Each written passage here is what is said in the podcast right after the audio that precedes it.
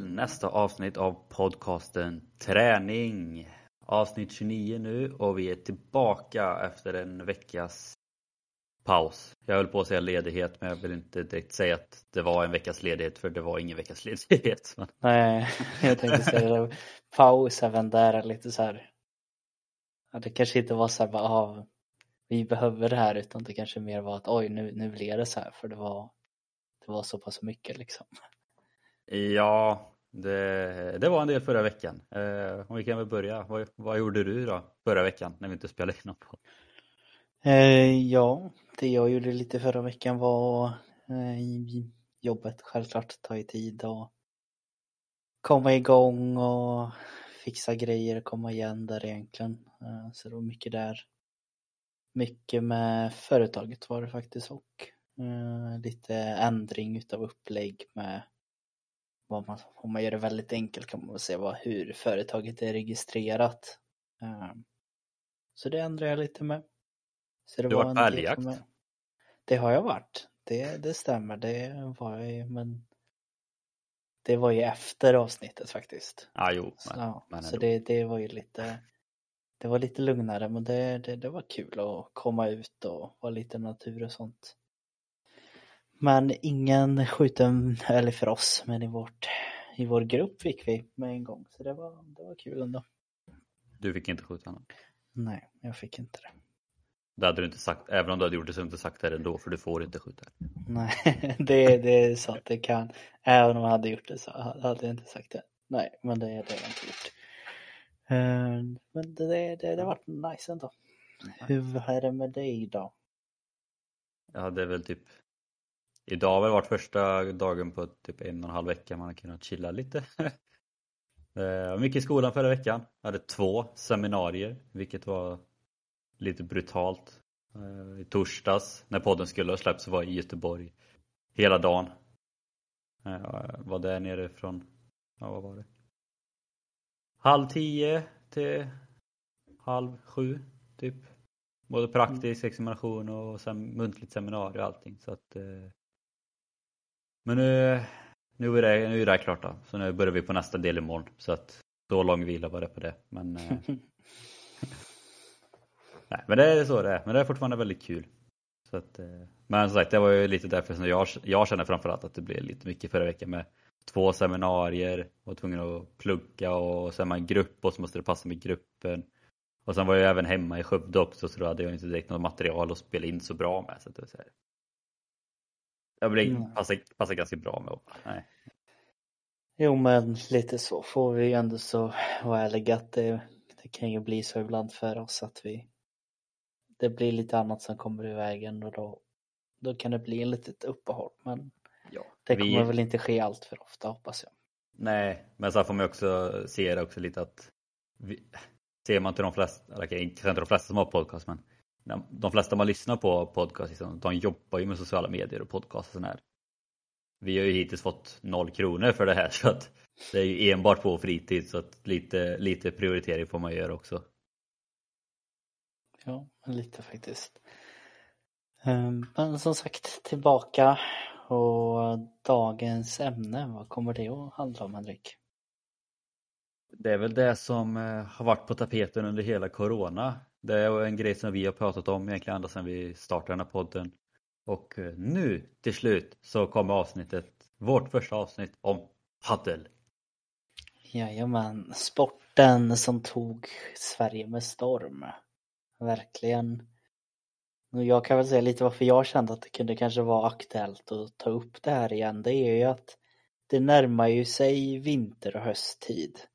Eh, ganska rejält alltså. Det, det märker man ju bara när man är ute. Och då tänker jag det borde ju vara mer igen som än en gång kommer in inomhus och in från det kalla och spelar lite padel igen. Och liksom som, som de flesta kanske har märkt så eh, än idag byggs det bara fler och fler och nya och nya paddelhallar. Alltså det känns inte som man kan gå typ en kilometer utan att se en paddelhall längre. Och det var ju samma sak där vi spelade första gången ihop var ju mitt ute i ingenstans i en liten by och även min hemby har ju liksom öppnat upp ett, en paddelhall nu vilket känns så jävla sjukt. Det hade man inte kunnat trott för liksom ja men två år sedan då innan, Ja, eller ett, ett och ett halvt år sedan. Ja, precis pre-corona att eh, det skulle öppna en jävla massa hallar liksom. Sen, nu finns det verkligen överallt och det ser ju inte ut att stoppa. Än så Nej. länge i alla fall. Det, det är väl en liten dipp har det väl varit efter sommaren Mm. eh, skulle jag vilja säga. Det är inte riktigt, då känner jag i alla fall med dem man umgås med att det är inte paddel kanske två, tre gånger i veckan längre eh, för dem utan det, det har gått ner kanske till en gång eh, i veckan. Men jag tror ju som du, jag tror som du sa också liksom att nu, sagt, nu kommer hösten, det är regnigt och kallt och när det kommer vintern, då tror jag nog att det är ganska många som kommer ta upp det. Ja, jag tror verkligen det och någonting som kommer ta en ännu mer uppskjut eh, räknar jag med egentligen är väl det här mer form av organiserad eh, paddel för nu har folk haft en tid att öppna upp. De har haft en tid att inse ännu mer att om en paddel är kul som många tycker. Vilket jag tror att det kommer bli mer vanliga med det här återkommande igen att man kanske har någon tränare eller att det blir att man har en vecklig eh, återkomst liksom att så här är det för det är så etablerat nu att man vet att det finns ligor och Facebook-sidor och det, det, det kommer nog vara mer rullande. Det kommer inte kanske vara de här extrema grejerna men det kommer nog mer rulla på tror jag. Ja, och det tyckte jag ju var väldigt kul för som sagt eh, min hemby Versos, liksom, jag tror paddelhallen öppnade för kanske ja, men typ en månad sedan eller något, eller om två månader sedan. Eh, nu är de från ingenstans startat, eller de är i uppfasen av att starta en paddelförening så att eh, byns ungdomar ska kunna få lära sig spela paddel liksom. Eh, så shoutout till Versos paddelförening. Riktigt kul att som sagt en liten by på typ 500 pers ändå går lite i bräschen och eller så här startar en förening. För det har inte jag hört jättemycket om, alltså varken Karls eller Skövde, liksom så att det finns en paddelförening. Utan... Så jag tycker ändå det är lite kul att en liten, liten by som den startar en paddelförening för ungdomarna där liksom. Ja men faktiskt, det är ett väldigt bra sätt tror jag att vi kan glida lite på den här vågen länge i Sverige och kanske dra upp eh, allmänna liksom hur, hur vi rör oss i samhället. Det är ändå så det man vill med det. Men på tal om just, ja sagt, vi skulle prata om paddel, men vad är det just vi ska prata om med paddel? Ja, jag tänkte säga det, det är inte så att jag och Henrik här sitter och är eh, proffs. Eller hur man ska säga det. Fint Ta, så här, ja, tala för dig själv men Ja, det är väl det. Men vi, vi är inga gömda proffs även om ni tror det. Och vi har inte varit i Spanien i tio år och kan den bästa forehanden och backhanden. Men det som vi kan ha lite mer koll på det är väl lite just kring och saker som kan ske när man eh, utövar paddel och i det här avsnittet så kommer vi att fokusera på någonting som vi hoppas att inte allt för många utav er lyssnare åkt på och det är skador kring paddel, alltså olika former utav skador som uppkommer när du spelar paddel. jag tror väl att de flesta har hört talas om det eller och kanske känner någon också som har kommit hem efter en paddelmatch där en hälsena har gått eller sträckt ryggen eller vad som helst. Just hälsenor har ju framförallt jag hört ofta att de brukar ju ryka från kanske framförallt då lite medelålders eller äldre som kanske inte har rört på sig på länge och så helt plötsligt ska de gå in och köra paddel och går in all in som man självklart gör och så först, första attacken så drar hälsenan. Ja, men det är lite så. Så vi hoppas väl egentligen med det här avsnittet att är det några av er nu som sitter och lyssnar och ni känner igen er att shit, det är, det är som de pratar direkt till mig. Jag ska ju precis nu börja och köra med paddel eller jag ska komma igång igen nu när vintern kommer. Men det är tråkigt. Det hade ju varit tråkigt om jag skadar mig och inte kan gå på mina paddeltider. Då är det ju här avsnittet för dig och då är det lika bra att sprida det här vidare till det är i alla fall antagligen tre andra som du spelar med. Eh, så då är det bara att skicka vidare till dem och så hoppas vi så många som möjligt får reda på lite information om hur ni kan hålla er skadefria och ja, men bli riktigt eh, duktig på paddel. Det är ju ännu större förutsättningar att bli det när man inte är skadad så att säga. Och det enkla svaret på att inte skada sig inom paddel är ju först och främst att inte spela paddel. ja, det var det. Tack, tack för oss.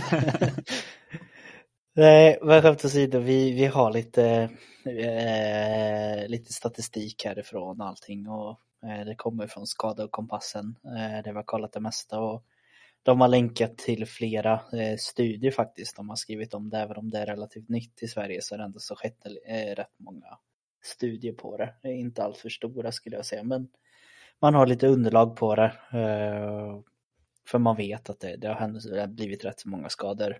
Så vi tänker att vi ska ta upp lite vad, ja men några punkter här. Det blir väl en, två, tre, fyra, fem, fem punkter med de mest eh, vanligaste skadorna vad man ska säga.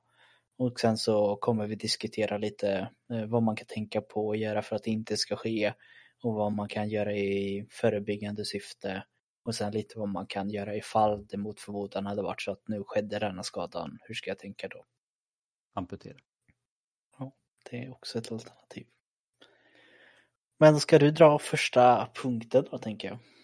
Ja, första punkten vi kommer då diskutera lite, det vi går alfabetisk ordning, i alla fall första punkten så jag vet inte om det blir så. Ja. Ar armbåge är ju en ganska viktig del av padden eh, som sitter på armen som används väldigt mycket när man slår bollen. Och, eh, och det chockar mig ändå lite för det står att då de vanligaste skadorna här på skadekompassen står armbåge 20 till 37 procent eh, av skadorna inom paddel är armbågsskador. Och det mm. tyckte jag lät jävligt mycket. Alltså. Ja, sen är det väl som du säger, det är ju himla viktigt för det är ju, du använder ju den mycket, Eh, den är ju med hela tiden liksom.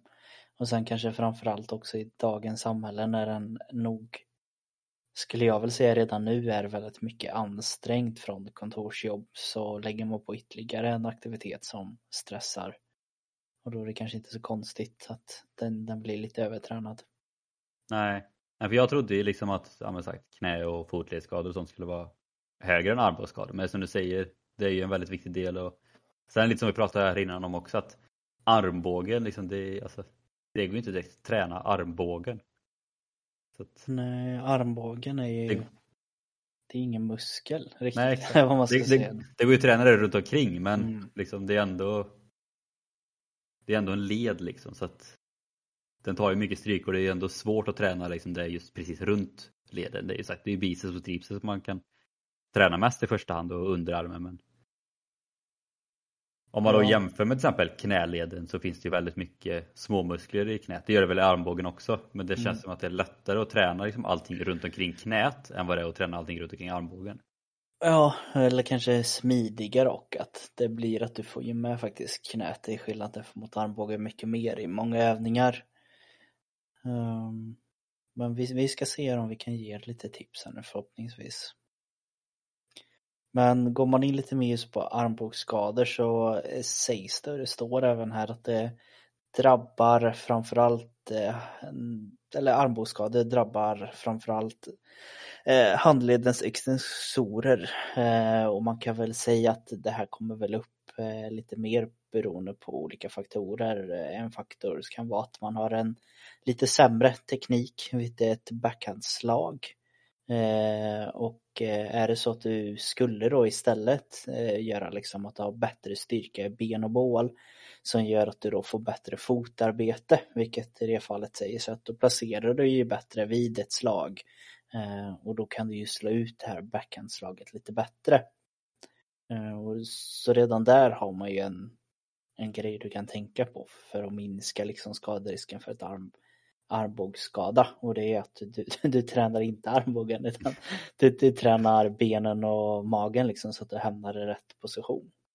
Och det är också det här som vi har pratat om tidigare men det är så häftigt med kroppen och även så svårt med kroppen när det funkar. För att, så att man tänker ju ofta att om man sagt, där man har skada, där man ska ha ont, det där man ska fokusera men här rekommenderar liksom alltså att fokusera på en helt annan del för att man inte ska råka ut för den vad ska jag, den rörelsen där skadan kommer utan har man sagt bättre så, fotarbete som du sa så kommer man inte komma i den farliga rörelsen utan då kommer man istället stå rätt och kan lätt slå tillbaka.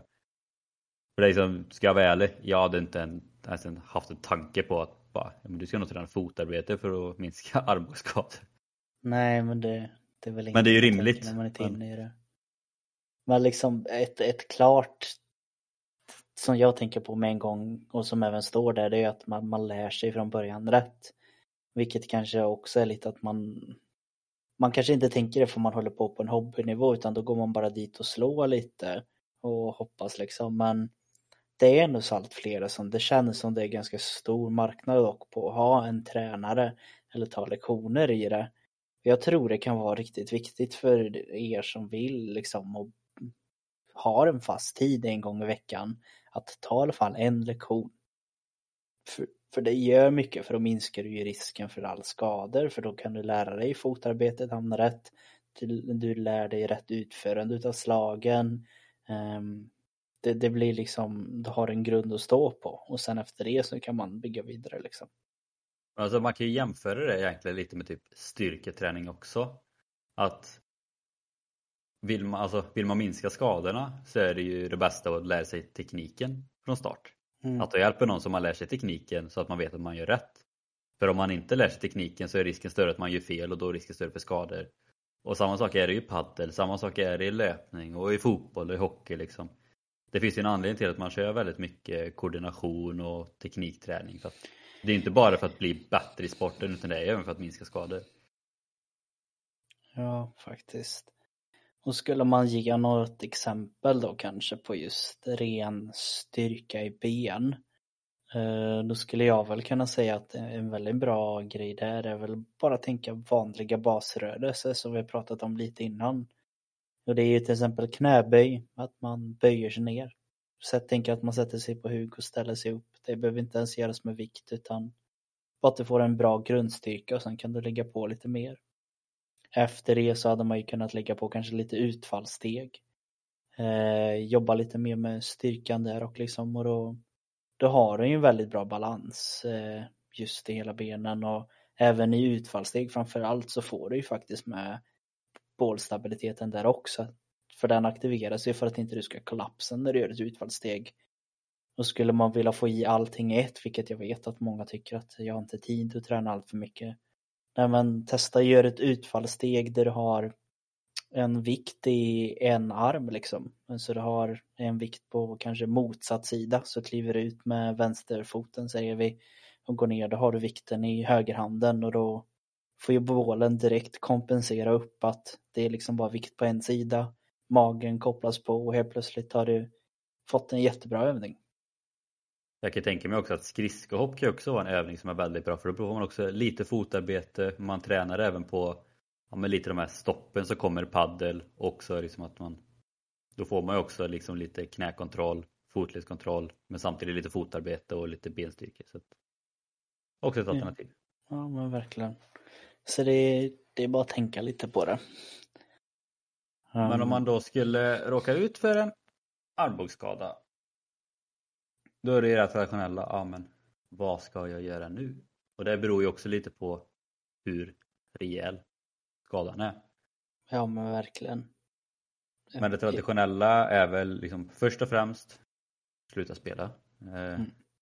Och sen eh, lägg på lite kyla så snabbt som möjligt. Dels för att minska svullnaden, även för att minska smärtan. Och så se även till liksom att gör inte för stora rörelser med armbågen direkt efter. Men det kan även ändå vara bra att hålla igång den lite så att den inte blir stel. Liksom. Ja. Sen är inte jag någon armbågsexpert så jag vet inte hur stor skillnad det är liksom, om något går sönder eller inte. Men alltså jag tror väl att när det kommer till armbågsskador så är väl i första hand så kan man väl ändå sköta väldigt mycket själv. Tror jag. Det ska väl till en rejäl armbågsskada för att man ska behöva uppsöka vård, antar jag.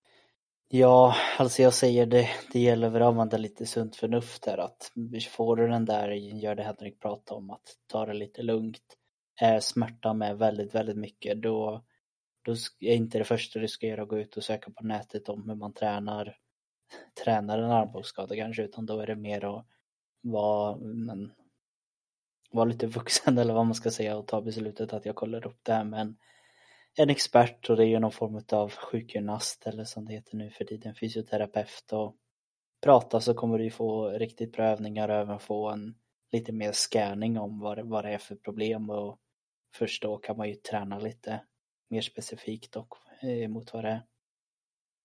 Men i grund och botten är det ju ändå liksom att, som du säger, sunt förnuft. Gör inget som gör ont. Men liksom, om det är just nu paddel du verkligen vill spela så även när du står hemma, alltså kör paddelrörelser med liksom armbågen om du håller, håller racket och klår lite utan boll. Sen kanske du kan slå lite med boll eh, mot en vägg eller någonting. Men så, här, så länge, gör det ont så sluta. Men så länge det inte gör ont så kan du köra lite lugnt och försiktigt i början. Och sen gör det inte ont, ja, då kan man öka intensiteten nästa gång och så kan man öka lite till nästa gång. Men bara se till att gör det ont då ska man inte fortsätta. Men gör det inte ont då kan man försöka utveckla rörelsen lite mer varje gång. Ja. Och någonting som kanske är lite mer vanligt som man hör just med armbågsskador är ju den här klassiska tennisarmbågen. Som jag tror att man känner minst en runt omkring sig som har haft det här. Och det är ju lite samma men egentligen så är ju tennisarmbågen det är egentligen en form av överansträngning väldigt oftast. Det är samma som musarm, att man har använt musklerna lite för mycket och den är inte riktigt med. Och det var ju det jag pratade om i början här att är det så att du har ett jobb som du sitter framför en dator och jobbar med musen då, då är redan där så blir det ju liksom den arbetar mycket och sen så plus padden då kan det bli för mycket, för mycket belastning plötsligt. Eh, så det kan ju vara samma där att där man skulle kunna tänka på för att få någon form av eh, minskning i det, att man är lite extra noga just med det ergonomiska kring arbetet liksom att man, man ser till att ha ett bra, ett bra skrivbord till exempel att sitta vid så man inte sitter i en konstig position. Kanske någon form av ergonomisk mus, vad vet jag, men det blir väl ännu viktigare för jag tror inte att vi kommer tappa helt det här flextiderna eller vad man ska säga att det kommer nog vara mer nu efter coronan som också jobbar hemma. Och där kanske man inte riktigt har det optimala skrivbordet. Och är du en av dem som inte har skaffat det än, då kanske det kan vara värt att försöka investera i det ändå om du ändå så ska jobba lite mer hemma. Det kanske inte är det bästa att sitta ihopsjunken i tv-soffan och sitta där och jobba en hel dag och sen springa iväg på paddel utan då kanske man får ta tiden och sätta sig kanske bara vid köksbordet kan hjälpa en mycket liksom. Och sen lite som vi pratade om innan också. Glöm inte bort att värma upp. Ja, men verkligen. Enda korta jag har just om tennisarmbågar för det har jag jobbat lite med just överansträngning och även jag det är att jag vet att det kan hjälpa med lite form av vridövningar och det, det skrev jag även här i texten, tänker jag göra på. Men eh, det är att man kan tänka att man, att man vrider ut en trasa. Då har man ju den här tvistande rörelsen, att man liksom vrider upp någonting. Och det, det vet jag är en, en form av just även rehabövning just för tennisarmbåge eller musarm. Och det skulle man kunna ju jobba med lite extra om man känner att man är lite trött i den eller även kanske till och med se som eh, förebyggande att man bygger upp liksom en styrka i de här vridrörelserna. Att man snurrar upp en vikt kanske som är lindad runt pinnen så ska man skruva upp den eller bara tänka att man har en trasa och sen vrider vrider den. Så får man lite musklerna just kring armbågen där. Ja, jag satt och gjorde den själv förut när vi pratade om det. Man märker ändå att det är, fan, det är ändå bra rörelse. Ja, det tränar där det ska. Eh, nästa punkt då, och det rör sig in då på något också som används väldigt mycket hela tiden och det är ryggen. Eh, här så skrev de även att det, det kan landa lite mer just kring de yngre eh, var lite vanligare att de kunde få lite ryggskador och liknande. Ehm, och det förstår man ju att skulle man åka på en ryggskada där då, då är det inte så kul att jobba. Jag var ändå chockad över att det var Alltså det var fler yngre. För det känns ju som en grej som borde vara för fler äldre. Jag tänker så här, framförallt de som sagt jobbar på kontor. Då sitter man ju väldigt still. Man kanske sitter lite framåtlutad. Går man hem och sitter lite eh, framåt. Visserligen sitter många barn och ungdomar också stilla nu framför datorn och i skolan och allt sånt där men men för mig kom det ändå lite som en chock att det var för ändå att det var så vanligt bland yngre. Ja men faktiskt. Och det man brukar säga då på ryggskador det är ju det du sa att det, det beror sannolikt oftast på diskskador. Eh, vilket är vanligare vid framåtböjande och roterande rörelser. Och något som jag tänker på med en gång det är det absolut klassiska som man får höra att åh, nu är det snart skottsäsong, att du ska ut och skotta. Och då vet man ju att det är många som drar på sig vad de brukar säga ryggskott hela tiden.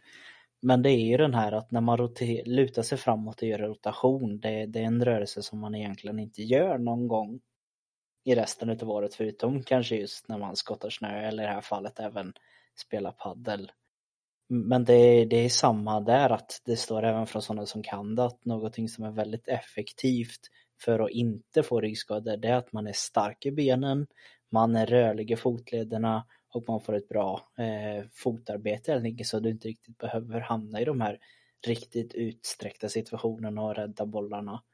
Utan lär dig grunden även där säger de.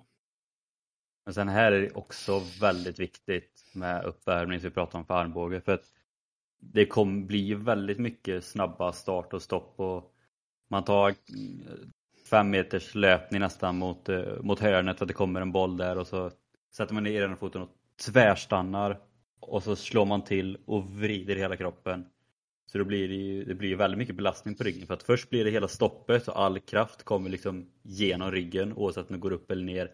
Och precis efter den kraften har kommit till ryggen så ska man samtidigt göra en vridning för att slå till mm. bollen. Så det blir ju liksom två ganska rejäla kraftsamlingar som går igenom ryggen på en och samma gång. Och inte den då uppvärmd, då kan den gå rätt illa. Ja men faktiskt.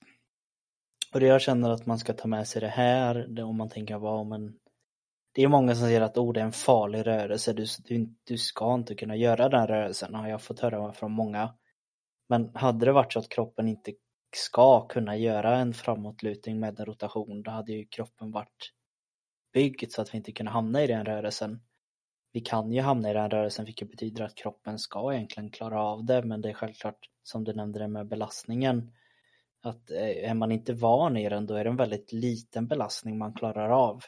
Vilket betyder att utsätter du dig lite i just den här positionen innan och inte bara kanske på paddelplan eller skotta snö eller vad det man pratar om då kommer ju risken att du, att du skadar dig minska ganska mycket.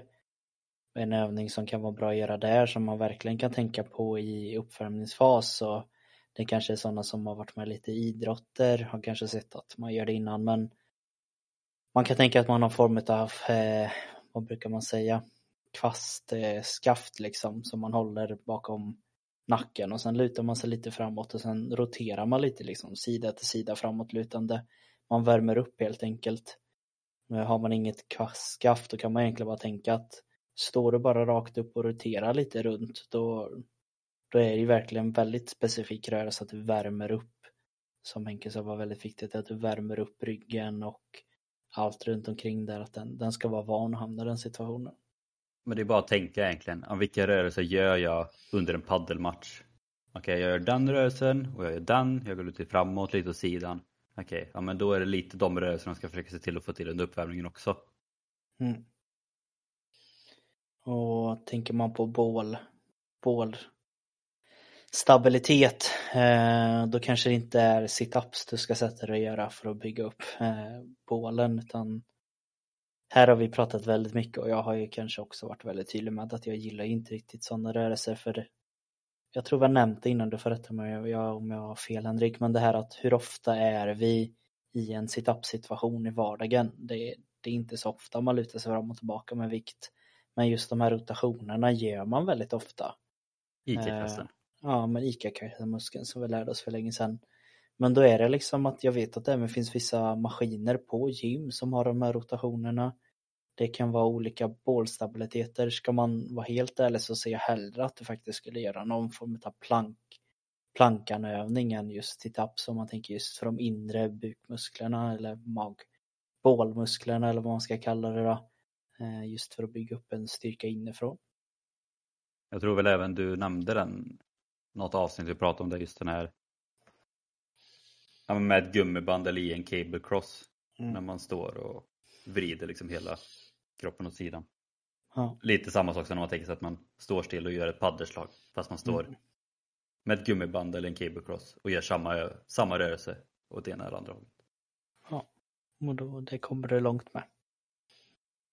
Och sen då skulle skadan uppstå så det här är min personliga åsikt men jag skulle väl säga att eh, åker man på en ryggskada så hade jag då rekommenderat att kolla upp den mer än vad jag hade rekommenderat en armbågsskada. För att mm. I en ryggskada kan jag att det kan vara allt från en muskelskada, det kan vara en nervskada, det kan vara en diskskada.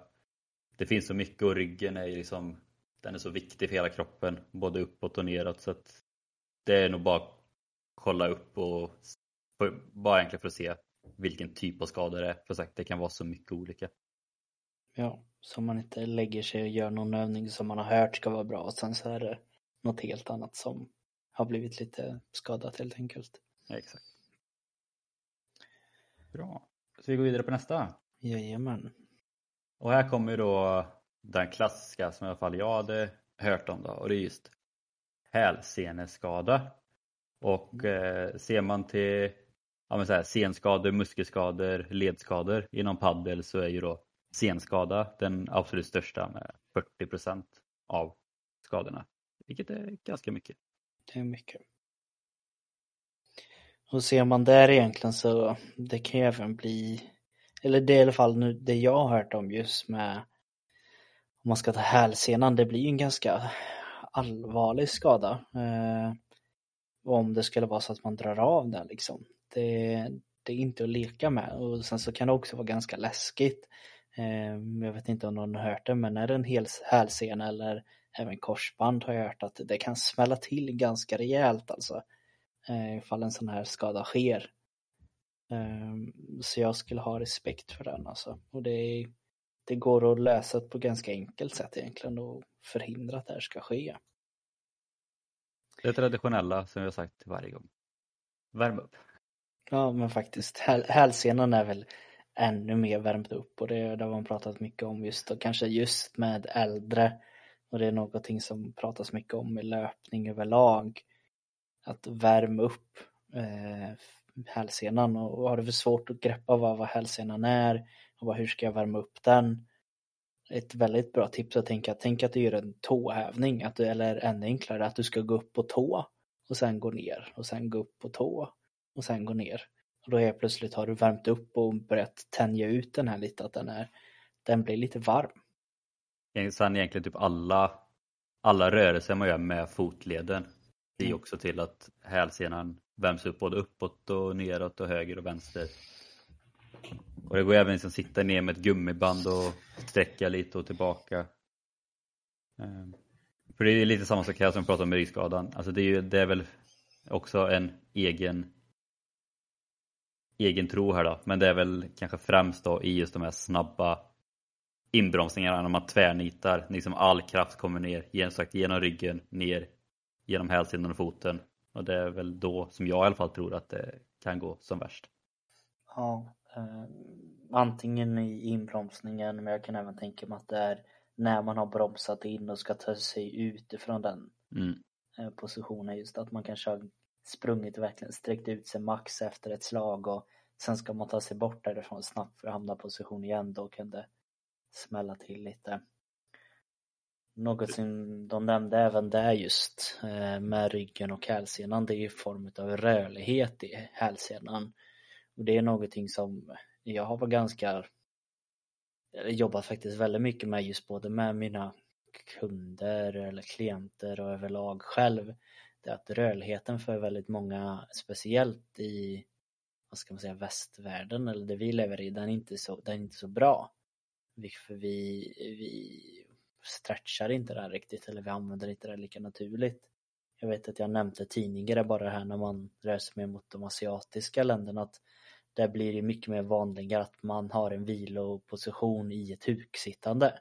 Att det är inte konstigt för dem att sitta ner på huk och arbeta eller till och med äta eller vila helt enkelt. Men ser man till en 40-årig man eller till, jag kan till och med tänka mig flera 18-åringar att sätta ner på huk utan att lyfta hälarna, då är det inte många som klarar av det. Och då, då förstår man att är den så pass stel och orörlig och sen helt plötsligt ska den utsättas för det här höga trycket, så ja, då, då kan det ske lite grejer. Men det är väl just därför som just det, har, det är det man har hört både, både kanske från folk man känner men även lite ryktesväg att det är just hälsenan som ryker. Men det är ju som du säger, alltså vi överlag har ju ganska stela fotleder och hälsenor. Mm. Och så tänker man då någon som kanske inte har Alltså egentligen kört någon form av träning på 10-20 år Sitter på kontoret mycket, sitter mycket hemma och så dyker paddel upp och man bara men det låter kul. Och så är liksom, så då går man från att inte ha egentligen ha rört sig så mycket 10-20 år så går man till en väldigt explosiv sport. Ja. Det är ju liksom, man går inte in långsamt eller det blir ingen långsam eh, genomgång från stillasittande till paddel liksom.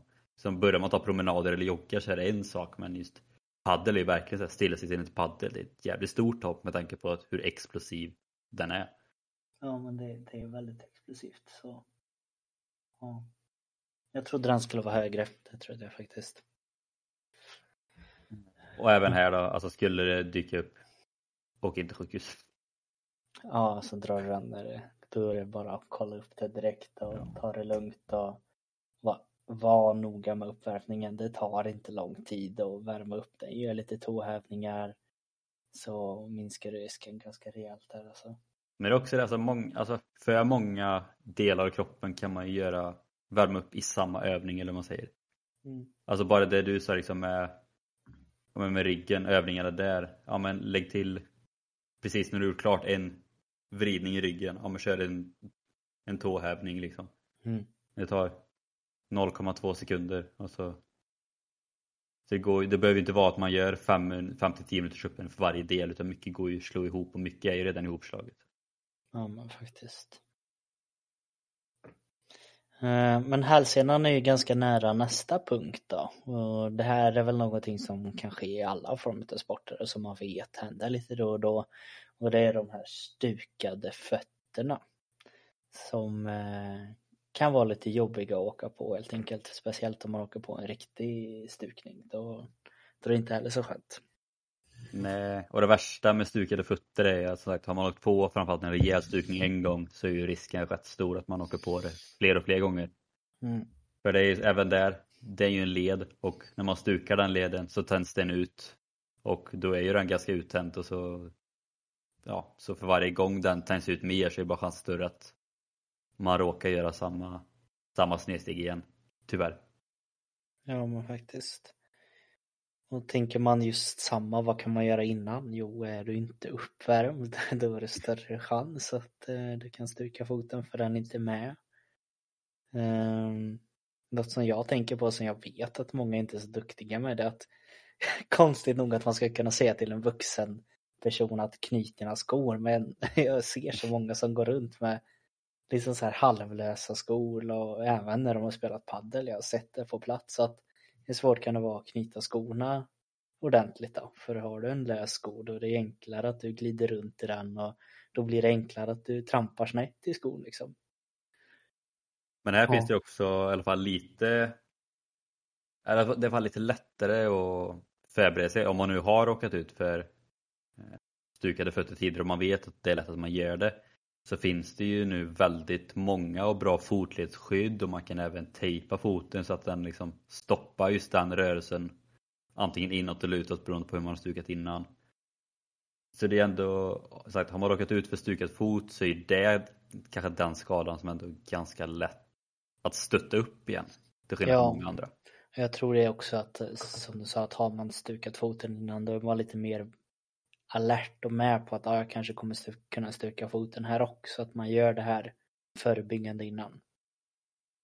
Ja, och det är ju det är också liksom samma sak här viktigt att har man råkat ut för alltså även en lättare stukning, om man går ut för en lättare stukning och ska man spela padel nästa vecka och så tro, tänker man först att bara, ja, men, det var inte så farligt förra veckan fast fot, foten är fortfarande lite så här lite halvdan.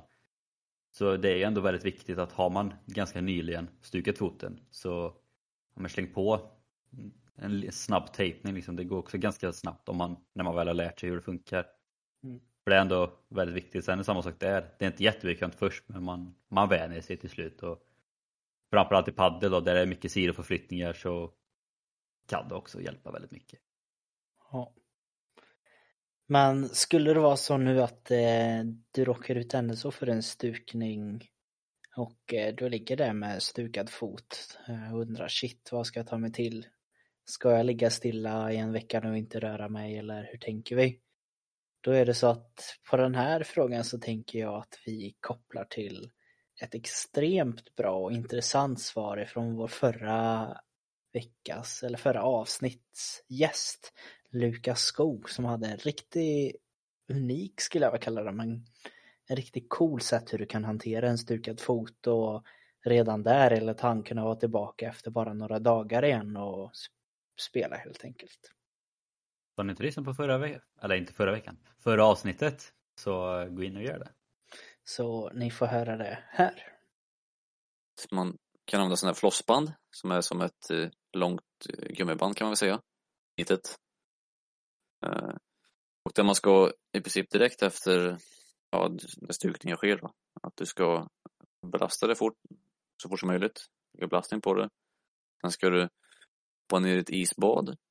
Och sen så försöker jag liksom hitta en vinkel på foten där du fort kan, fortfarande kan få liksom ett dorsiflexion liksom. Och då får man ju typ rotera knät lite in, innanför stortån kan man säga. Då kommer du lite, då kan du inte få lite dorsalflexion liksom, även fast du har jätteont. Då ska man jobba sådär fram och tillbaks i vatten, hoppa ur vattnet, i vatten, hoppa ur vattnet. Och även jobba med det där flossbandet, att du snurrar på det så hårt som möjligt. Och sen jobbar så i vatten utan vatt, eh, utanför vattnet eh, i ungefär typ 20 minuter. För, alltså bara gör, gör samma övning i 20 minuter i princip. Eh, och sen sen kan ta bort det där bandet och ja, försöka belasta så mycket som möjligt. Och det provar jag det. Här, och det, det blev ju en succé direkt. Riktigt med succé. Då var jag ju tillbaka i full träning efter typ två mm. dagar.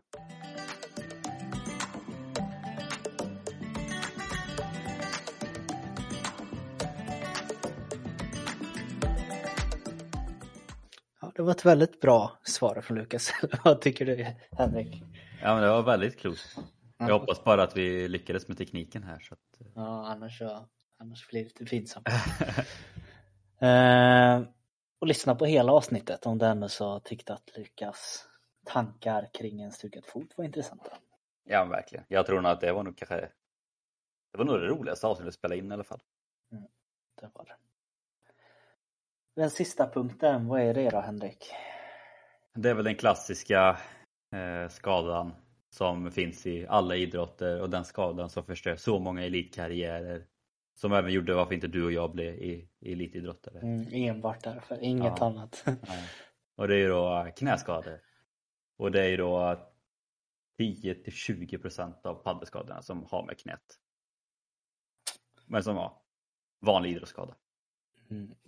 Alltså det här, man har ju hört så himla mycket just utav knä, knä, knä och man kanske trodde att jag kanske kommer undan här nu när jag håller på med en hobbysport som paddel som det ändå så kanske är för många men det, de här knäskadorna kommer ju för många även om du inte håller på med paddel.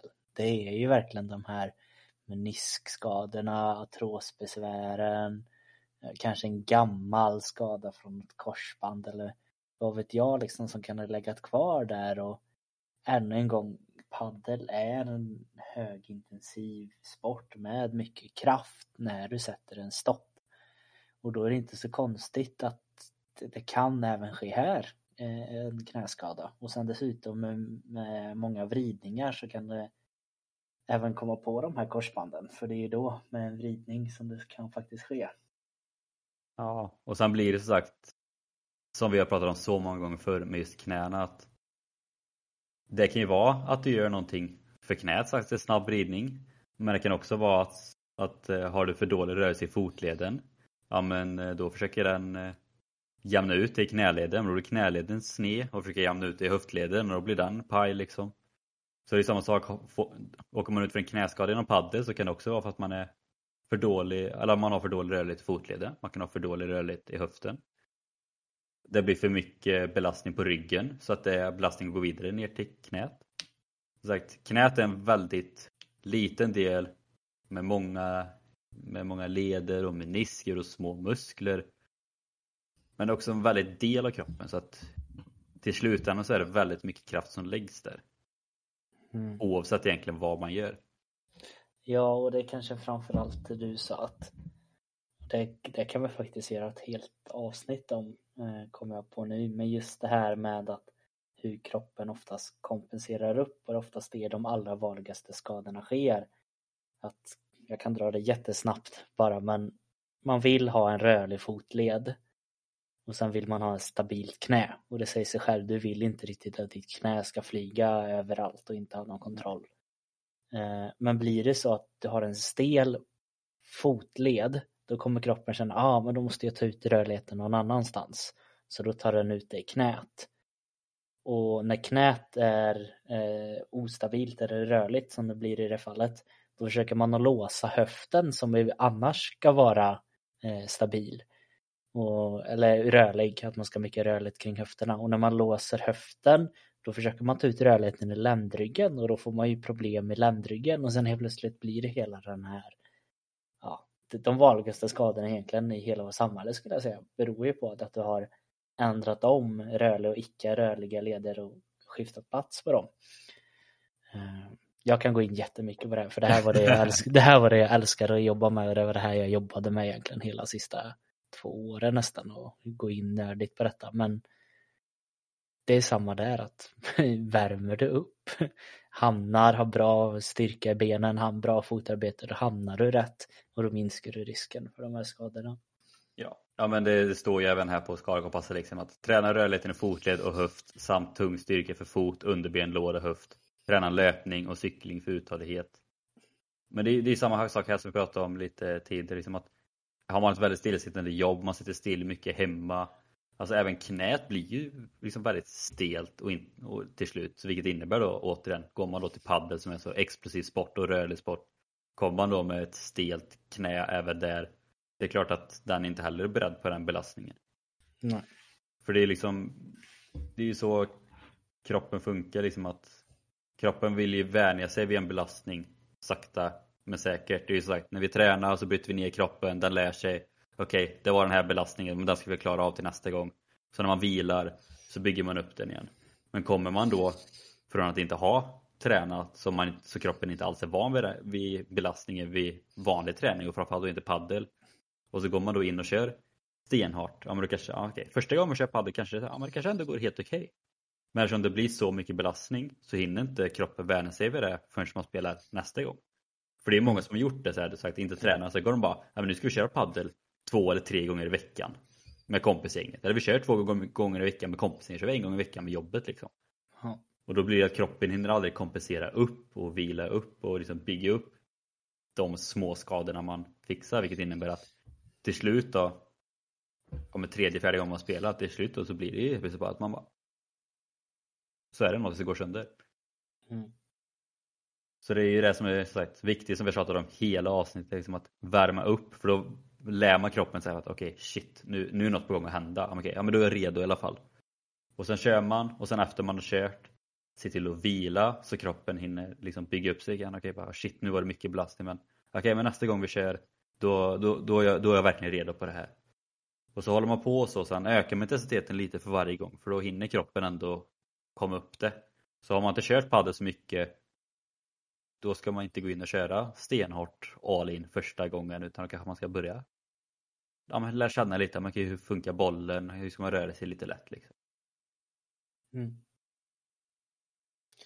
Uh, ja, så ska man dra någon form av sammanfattning på det här då Henrik, vad man ska tänka på uh, för att både minska risken och även faktiskt kunna förebygga saker. Uh, då är det väl egentligen bara med, med en grej och det är uppvärmningen. Ja. Det, var väl det, det var väl det vi kom fram till innan och att mycket av det här blir ju för att man klämmer in paddelpass lite här och där. Om man är stressad och det man ser som uppvärmningar att ja, vi kör lite lugnare i början och sen kör vi match. Men, och det är jättebra att man tänker så för då har man ändå så någon form av lite tankar men i många paddelhallar och sånt så vet jag att det finns ju lite utrymme runt omkring där man faktiskt kan göra några knäböj och lite rotationer. jag ser att det är allt mer vanligt att många hallar har faktiskt även, vad ska man säga, motionscyklar har jag sett. Mm. Och bara det kan vara riktigt bra att du blir varm och får lite puls innan det börjar. Det behöver inte ta så lång tid, 5-10 minuter. Så unna dig själv och ta den här lilla tiden innan om du faktiskt vill eh, köra lite paddel.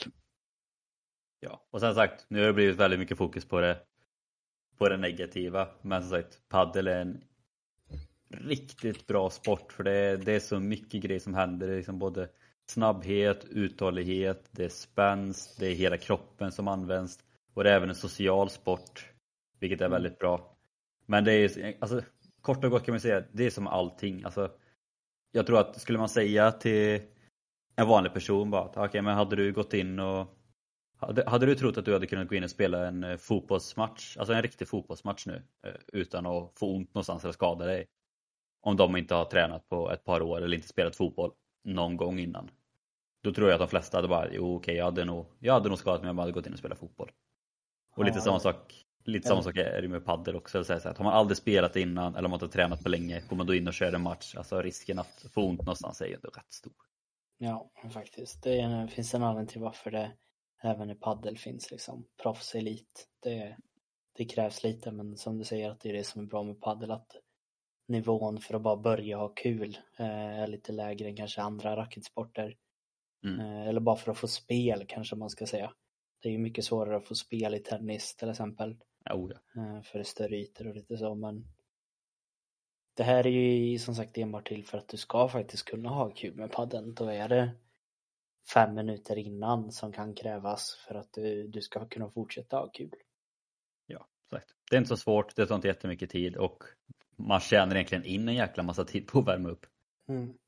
Då kan du Istället. köra igång snabbare och du kanske inte tycker det är det roligaste att stå och, stå och bolla där innan. Ja, då kanske man kan korta ner det lite och lägga mer tid på sånt du tycker är kul om det är match eller vad det är ni gör liksom.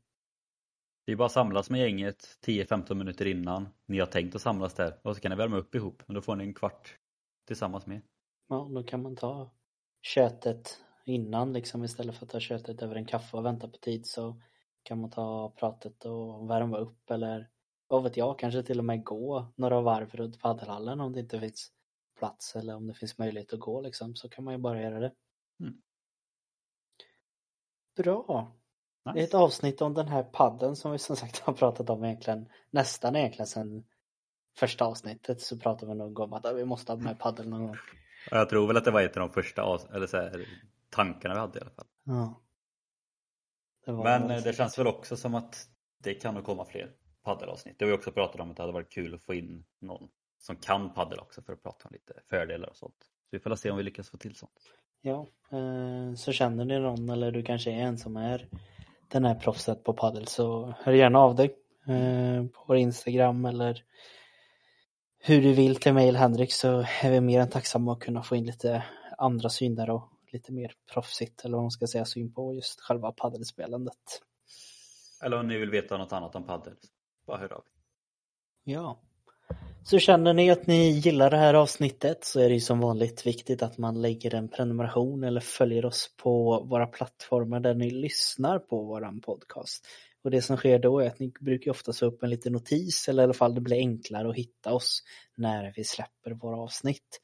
Och som vanligt så försöker vi släppa på torsdagar. Vi försöker att släppa varje torsdag men någon gång lite då och då så kan det bli att vi har lite mycket annat att göra och då eh, skriver vi ut detta på Instagram så det kan ju även vara bra att följa oss där under Traning Podcast. Ja, så det inte blir panik där. Nu tror jag väl inte att någon får panik, men kanske finns någon som bara shit, nu har de inte lagt ut den här veckan, vad ska jag göra? Eller vad, vad händer? Jag bara gå in och kika, okej. Och även där så öppnar vi upp ganska ofta för frågor, eh, förslag på olika ämnen som ni vill att vi ska prata om. Kanske är det så att du ska börja med någon annan form av sport nu i vinter eller vad vet jag, du kanske är en av dem som även jag då ska kanske börja åka lite med skidor eller något och vill veta mer om det.